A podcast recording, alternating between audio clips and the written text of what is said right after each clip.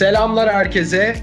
Forma hikayelerinin yeni bölümünde yine bir takımın formasını ve hikayelerini çılgınlar gibi övüp çılgınlar gibi eleştireceğiz. Burada bu konudaki dünya üzerindeki en etkin 3 kişi olarak bunu yapacağız efendim.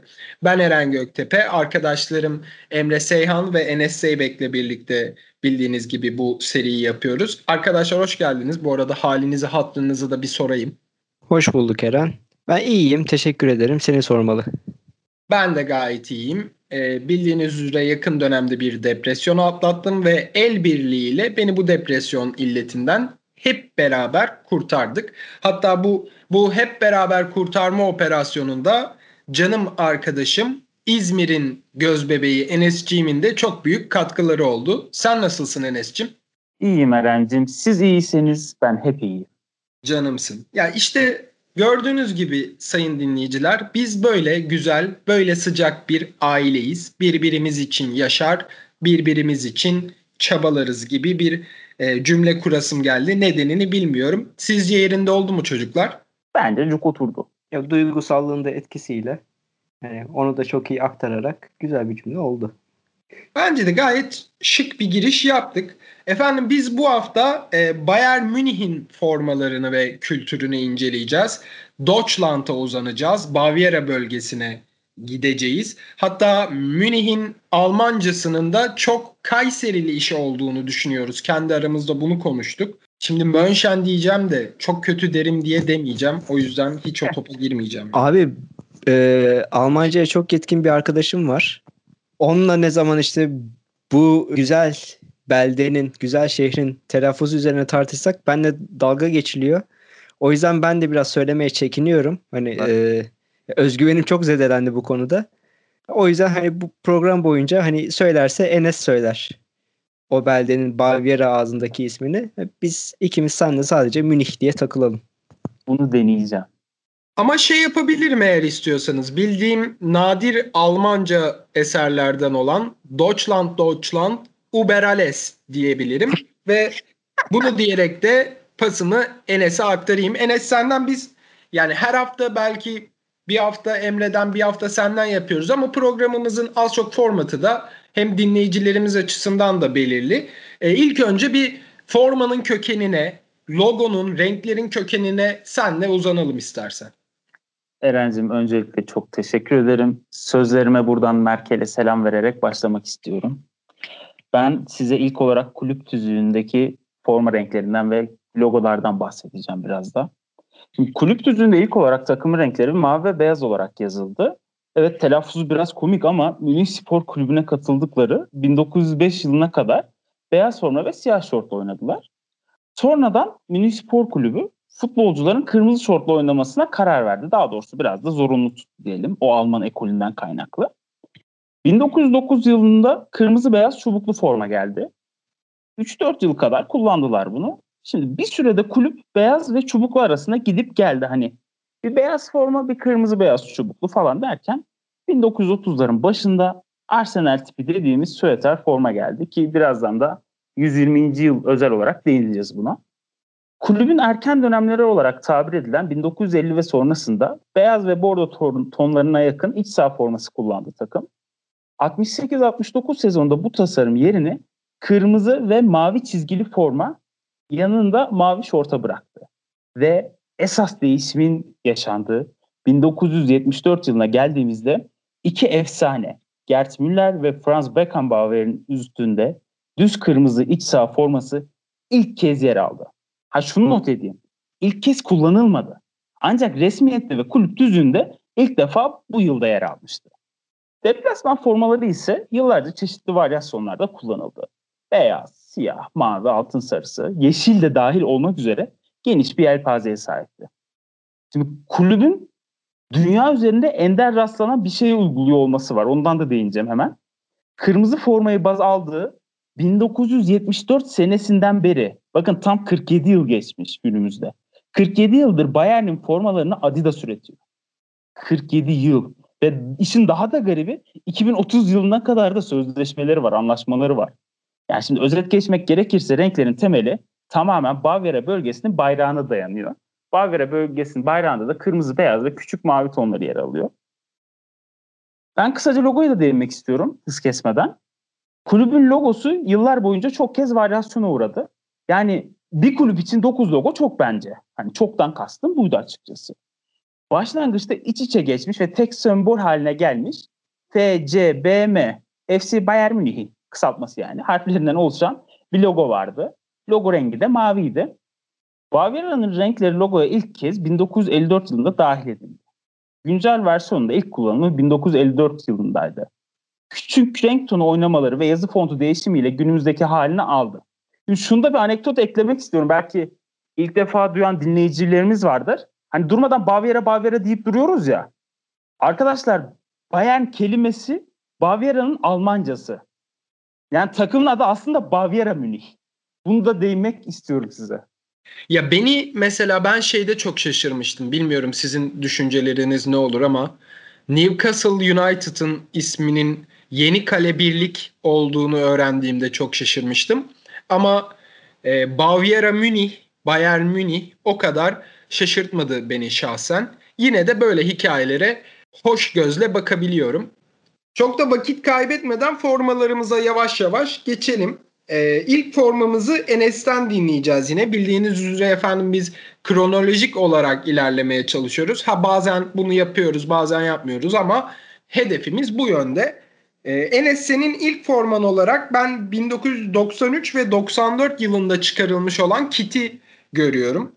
Ben ilk tasarım olarak 93-94 senesindeki kitin tamamından bahsetmek istiyorum. Şimdi hikaye olarak açıkçası 93-94 diye ele aldım ama hani formalar 94-95 sezonunda da aynı olarak kullanıldı. Yani düz 93-95 formaları diyebilirim. Tasarım olarak iki forma da aynı. Biri klasik, iç sağ kırmızı. Temelde sağ omurdan sol alt kısma uzanan 3 adet kalın mavi çizgi mevcut. Yani görmeye alıştığımız tabiri caizse Adidas çizgisi dediğimiz olay. Ortada meşhur Opel, Opel sponsorluğu çizgileri birbirinden ayırıyor. Her iki kol da mavi. Hadi tamam bunu anladık. Kırmızı, mavi falan filan bildiğimiz Bayern Münih. Abi diğeri, diğerinden bahsedeceğim. Dinleyicilerimiz de Google'dan bakabilirler. Abi forma sarı. Bu üç çizgiyi yeşil ve siyah yapmışlar. Kollar da sarı. Yaka yeşil. Hani abi Jamaika milli takımı bu formayı armayı söküp kullansa valla kimse hissetmezdi açıkçası. Bir bakıyorsun rakiplerinden Dortmund'un renklerine daha uyumlu.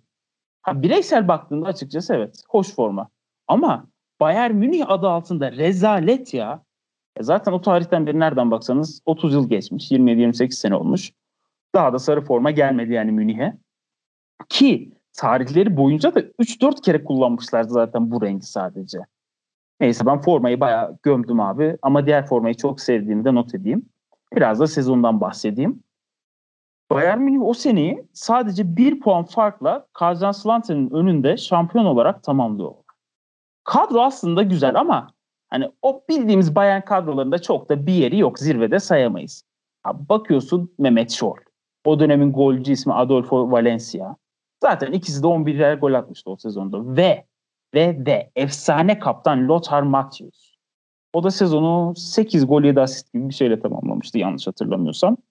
Ama her şeyi geçtik. Asfolisti sona sakladık. Takımın başında da sezonun ortalarına doğru gelen ve takım şahlandıran efsanevi Alman Franz Beckenbauer vardı. Yine ritüelimi gerçekleştirip bir futbolcuyu söyleyecek olursam açıkçası Lothar Matthäus'a yakışmayan Bayern Münih forması zaten yoktu ama onun dışında da o dönem Bruno Labbadia diye bir futbolcu vardı. Ona bayağı yakışıyordu forma. Sarı forma detayı beni de şok etti. Ben bilmiyordum o sene e, ya genel anlamda zaten Bayern Münih'in sarı forma giydiğini. Ama yani ben de mesela sarı lafını duyar duymaz hani Dortmund'un rengi değil mi o ya diye bir e, şaşkınlık yaşadım. Yani yaşamamak aslında biraz zor çünkü bu ezeli rekabetlerde aslında bunları e, duyduğumuz zaman bizi şaşırtmasının esas sebebi de aralarındaki hikaye oluyor genelde. Çok da hız kaybetmeden sana ve senin ilk formana geçelim istersen. Senin ilk forman 2006-2007'deki Bordo formayı seçmişsin. Ee, ben fikrimi sonra söyleyeceğim ama merak ediyorum fikirlerini senin. Buyur. Bu formayı seçmemin sebebi çünkü e, sebebi biz ya Bayern Münih'i hani seçtiğimiz ilk anda hani daha doğrusu şöyle anlatayım, özet geçeyim. Hani biz internete bir çark açıyoruz. İşte yabancı takım mı, milli takım mı, yerli takım mı konusuna karar verdikten sonra işte ortaya fikirler atıyoruz. Şunu konuşabiliriz, bunu konuşabiliriz diye ve Bayern Münih çıktı çarkta. Biz genelde böyle karar veriyoruz. Ne kadar profesyonel olduğumuzu görün istedim. İşin şakası bir yana ya Bayern Münih'in ismini okuduğum ilk anda ya benim aklıma e, benim gözümün önüne bu forma geldi. Şampiyonlar Ligi maçlarının e, açık kanalda yayınlandığı günlere geri döndüm. Ve e, gözümün önünde de bu bordo formayı giymiş, gol sevincini yaşayan Roy Makay gözümde canlandı. Roy Makay'a da şöyle değinebilirim. 2006-2007 sezonu özelinde e, Bundesliga'da 16 gol atmış. Toplamda 18 gol atmış. Demek ki o Şampiyonlar Ligi'nde attığı iki golden birine ben de gelmişim de o e, gol sevincini hala hatırlıyorum. Bu bordo forma aslında e, Enes'in de programın ilerleyen dakikalarda bahsedeceği o e, kulübün ilk zamanlarındaki formaya bir atıf. Ya kulüpte e, ya bordo renk de kullanıldı geçmişte, beyaz renk de kullanıldı ve o e, ilk zamanlardaki bordoyu hatır, hatırlatan, e, kırmızının koyu tonunu hatırlatan bir renk. Yani bordoya çalan bir kırmızı mevcut ve forma benim gördüğüm en eski monokrom logoya sahip olabilir. Ya monokrom logoyu ben genelde çok severim e, kullanılmasından yanayım. Ama ya 2006-2007'ye kadar da dayandığını pek tahmin etmiyordum. 2010'ların başında ortasında ortaya çıktığını düşünüyordum. 2006-2007'de bu programı hazırlanırken de bu detayı görünce e, şok oldum ve daha da beğendim formayı. Ha tabii e, Bayern Münih yine geleneklerinden sapmadı. E, normal hani düz kırmızı, yani daha açık kırmızı bir formayı da e, o sezon görücüye çıkarmıştı taraftarları için. E, sezona gelecek olursak da sezon aslında Bayern Münih için e, o kadar da parlak bir sezon değil. Ligi dördün, dördüncü olarak bitirmişlerdi. Şampiyonlar Ligi'nde de çeyrek finalde turnuvaya veda etmişler ki e, ben de şu an Şampiyonlar Ligi fiksiyonuna bakarken hatırladım. O e, Roy Makay'ın gol sevincini ben bir Real Madrid maçında görmüş olabilirim. Her ne kadar emin olmasam da şu an e, golleri gerçek yaparsam çok vakit kaybedeceğiz. Ama e, çeyrek finalde o sezonun şampiyonu e, olacak olan Milan'a elenerek e, Şampiyonlar Ligi'ne veda ediyor Bayern Münih. Dediğim gibi e, Bayern Münih'in pek de hani alışılagelmiş sezonlarından biri değil o sezon. Ama e, forma olarak benim gözümde canlanan ve benim için değeri olan ilk Bayern Münih forması bu diyebilirim. O bordo formayı görünce niye bilmiyorum. Aklıma direkt Van Buiten geliyor ya. Abi adam fiziği düzgündü, kendisi düzgündü, oyununu severdim.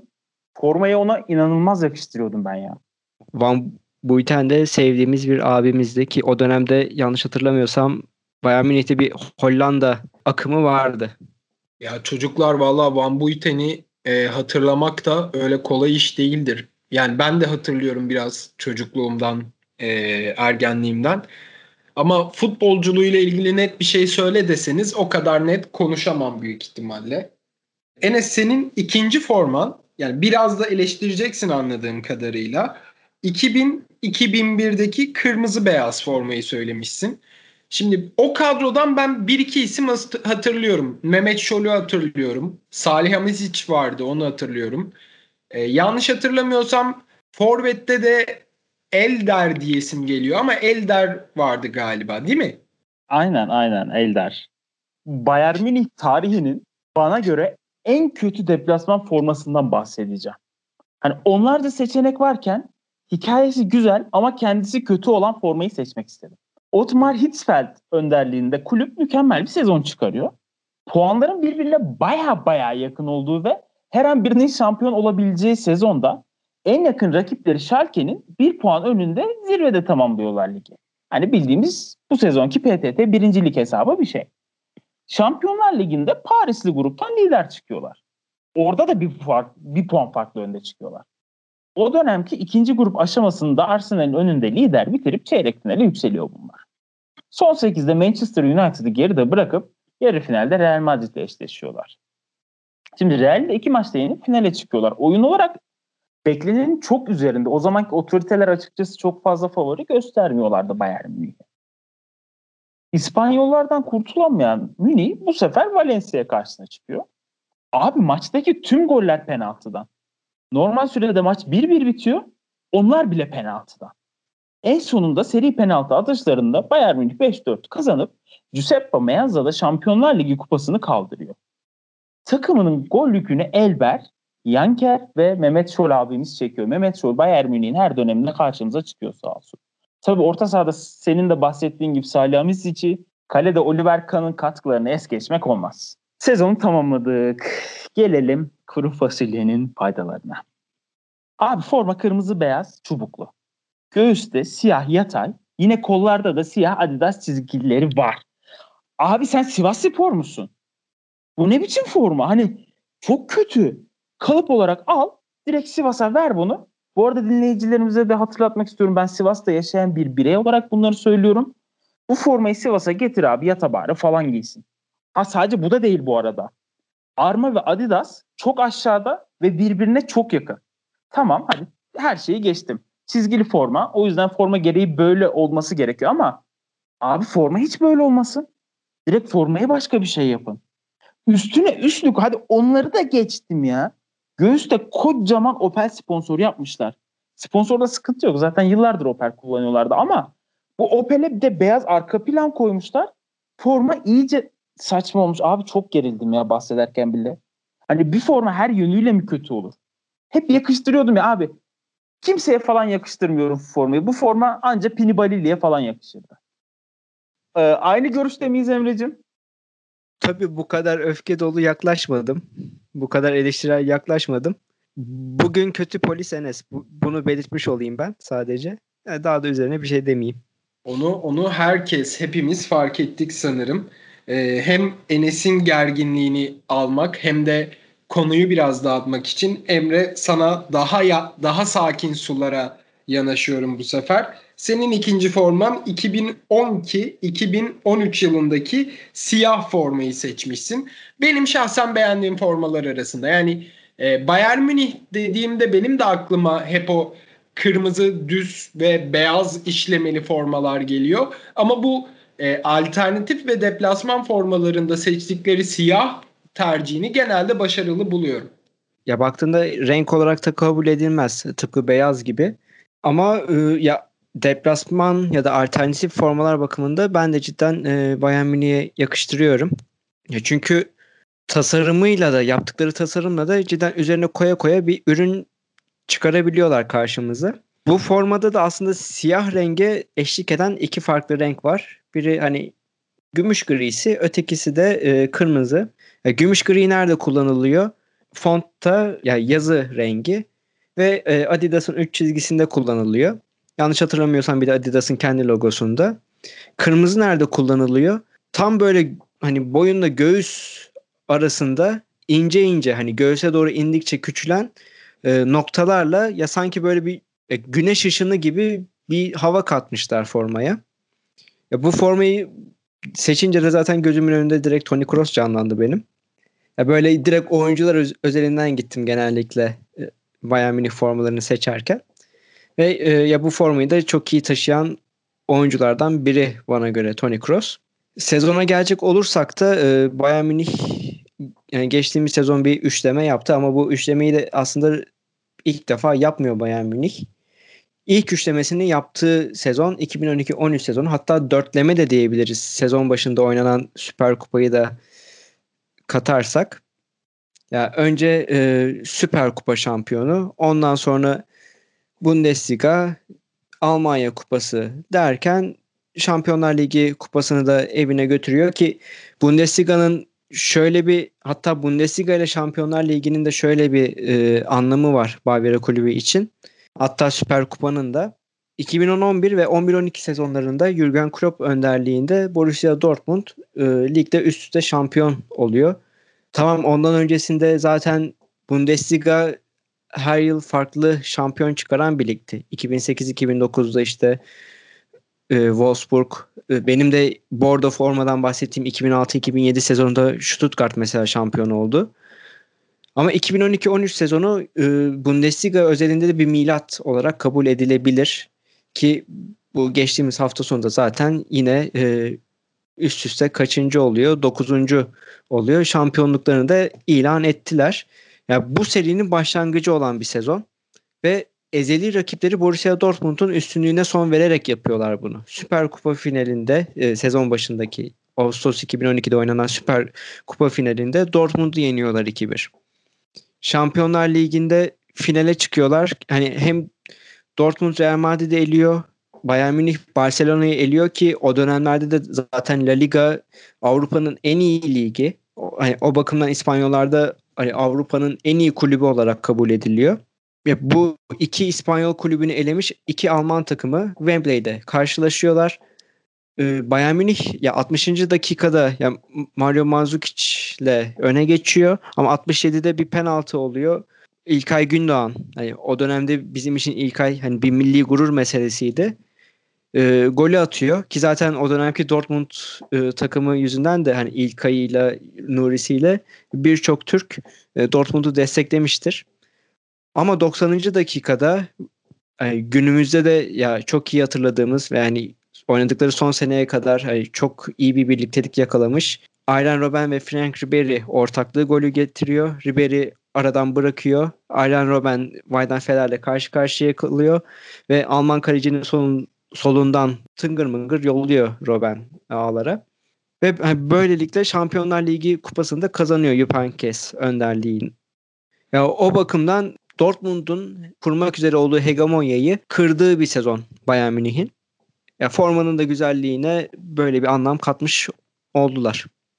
Robben'in Weidenfeller'in bakışları açısında topu hani hızlı da yuvarlamamıştı. Hatta çok yavaş yuvarlamıştı ama o topun süzülüşü bence futbol tarihinin hani geçen sefer konuştuğumuz Zidane'ın Dünya Kupası'nın yanından geçip gitmesi gibi ikonik anlarından biriydi ya bana göre neden sizce? Ya topun o can çekişe çekişe ağlara gidişi bence de ge- gerçekten çok cool, çok karizmatik bir andı. Ya muhakkak.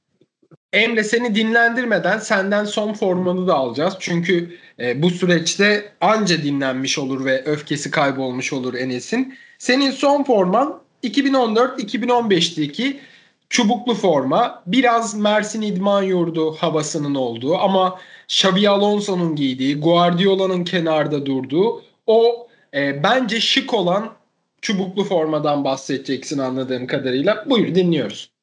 Ve e, Robert Lewandowski'nin de giydiği ilk Bayern Münih forması. Bunu da belirteyim çünkü benim e, bu sefer bu formayı seçme sebeplerimden biri de Robert Lewandowski. E, Borussia Dortmund'un hegemon hani kurulmak üzere olan hegemonyası nasıl yıktığını bahsetmiştik e, bir önceki formada. Ve e, Lewandowski bizim de ya Türk dizilerinden aşina olduğumuz o eşanlığı yaparak e, Bayern Münih'e katılıyor. Yani işte herkes öldürüyor sevdiğini. Bu ilk sezonunda da bu formayla Bundesliga şampiyonu şampiyonluğuna ulaşıyor. Bayern Münih'in ya bir çubuklu geçmişi var. 1912 e, arasında kırmızı beyaz bir çubuklu giyinmiş. 1920'de de keza giyinmiş. Bazen yeri geldi o düz kırmızı formaya ince beyaz şeritler eklenerek bir çubuklu oluşturuldu. Yani ya şeritli forma denir ya çubuklu forma denir. O artık kimin nasıl gördüğüne bağlı. Ve lacivert kırmızı çubuklu da aslında 1968'de ortaya çıkıyor. Sonrasında 1969'da da e, bu forma giyilmiş. 1995'te de ve bu formanın ilhamı aslında Barcelona forması. Ama e, ya bir de lacivert renk aslında 90'larda 2000'lerde de yani kullanılmış e, reglan kesin forma var mesela. Hani kırmızı bir forma kollar lacivert. Yani ko- kop koyu bir lacivert bu arada. Yani öyle e, şey değil. Ya Fener, Fenerbahçe lacivertinden bile koyu bir lacivert söz konusu diyebiliriz burada. Ama e, ya 90'larda 2000'lerde bu forma kullanıldı. Ama e, 2018-19 sezonuna değinmek istiyorum burada. Çünkü ya Bayern Münih yine aynı koylukta ki laciverti bu sefer short'ta kullandı. Bir de o sezonki formasının kol uçlarında yine aynı renge yer verdi. 2017-18 sezonunun son maçında bu forma e, görücüye çıktı. İşte Bayern Münih evinde bir başka bir Alman takımıyla Bundesliga maçına çıkıyordu.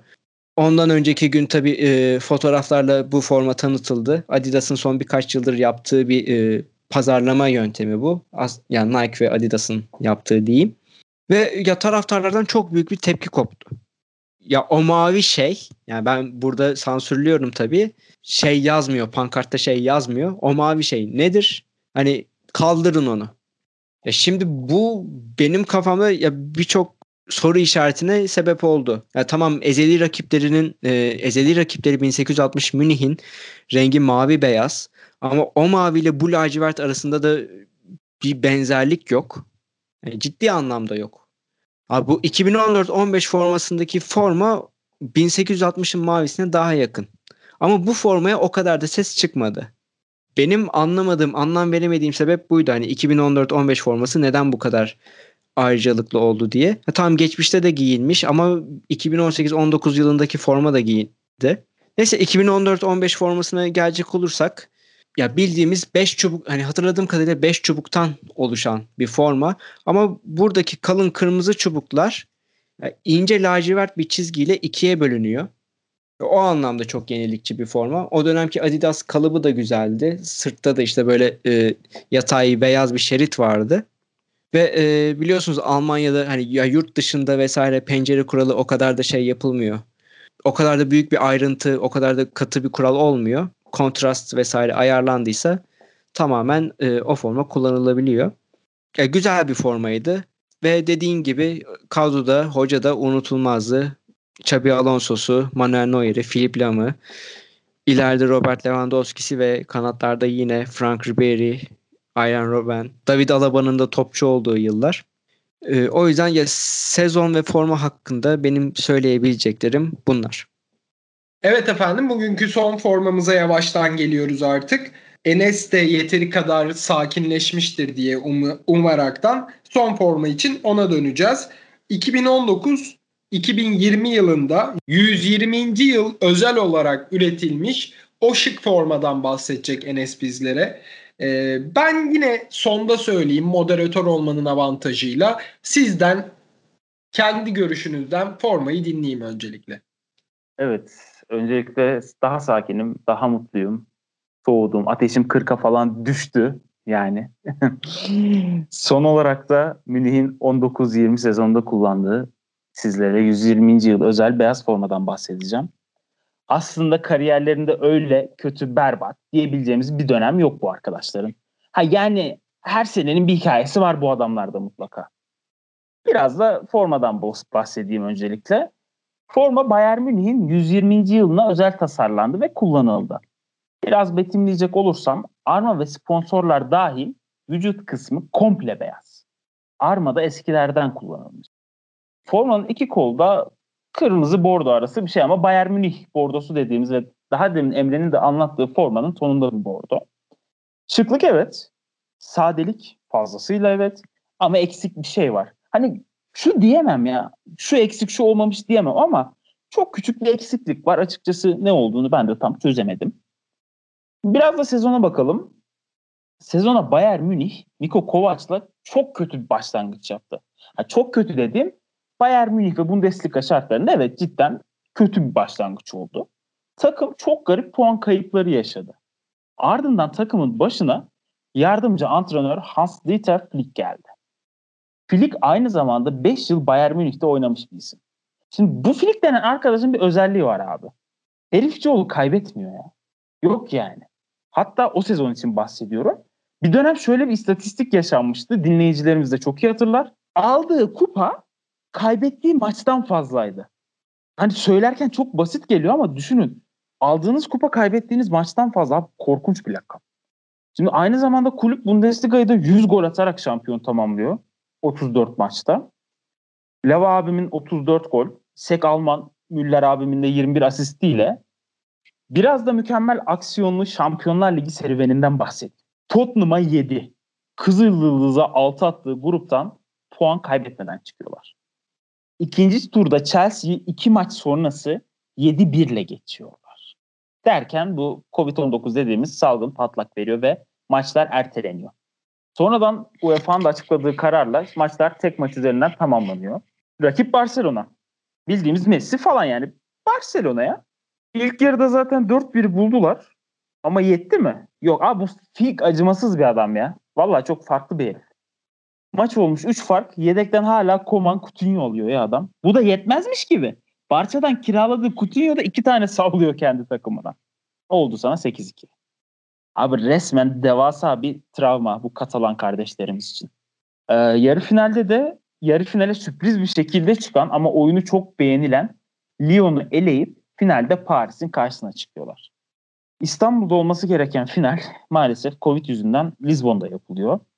Paris'i de Koma'nın golüyle 1-0 yenip Şampiyonlar Ligi'nde berabere dahi kalmadan puan kaybetmeden şampiyon oluyorlar. O sene yine Lewandowski abim Şampiyonlar Ligi'nde 15 gol atıyor. Boş bırakmıyor. Yani takım evet bireysel olarak baktığımızda ben çok beğeniyorum o Bayern Münih'i. Hani o Bayern Münih dediğim daha geçtiğimiz sezonki Bayern Münih ama benim izlediğim en iyi 3 Bayern Münih'ten biri olabilir yani açıkçası. Takımın yanı sıra ben Hansi Flick'in oyun yönetimi ve stratejisini çok mantıklı ve hoş buldum. Özellikle stoper bek rotasyonunu, beklerin orta saha rotasyonunu çok iyi kullanmıştı. Ee, hikaye evet biraz uzattım ama formaya da dönecek olursam kapanışta maçlarda çok sık göremesek de karşımıza çok kez çıktı bu forma. Podcast'imizin başında da bahsetmiştim zaten. Ve son olarak da bir ritüeli gerçekleştirip bana göre bu formanın en çok yakıştığı futbolcuyu söylemek istiyorum. Bence Joshua Kimmich bu formanın adamıydı. Ben o sezonun e, kırmızı formasını listeye almayı düşünmüştüm aslında.